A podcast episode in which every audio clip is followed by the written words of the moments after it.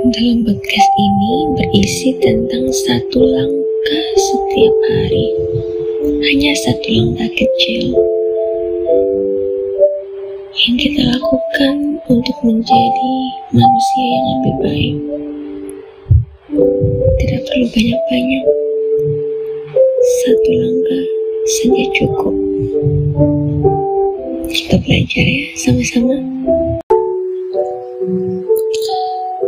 Aku akan membagikan hasil refleksiku setiap hari pada pukul 5 pagi. Aku akan membagikan hasil permenunganku dari kacamata iman Katolik. Kita belajar sama-sama ya.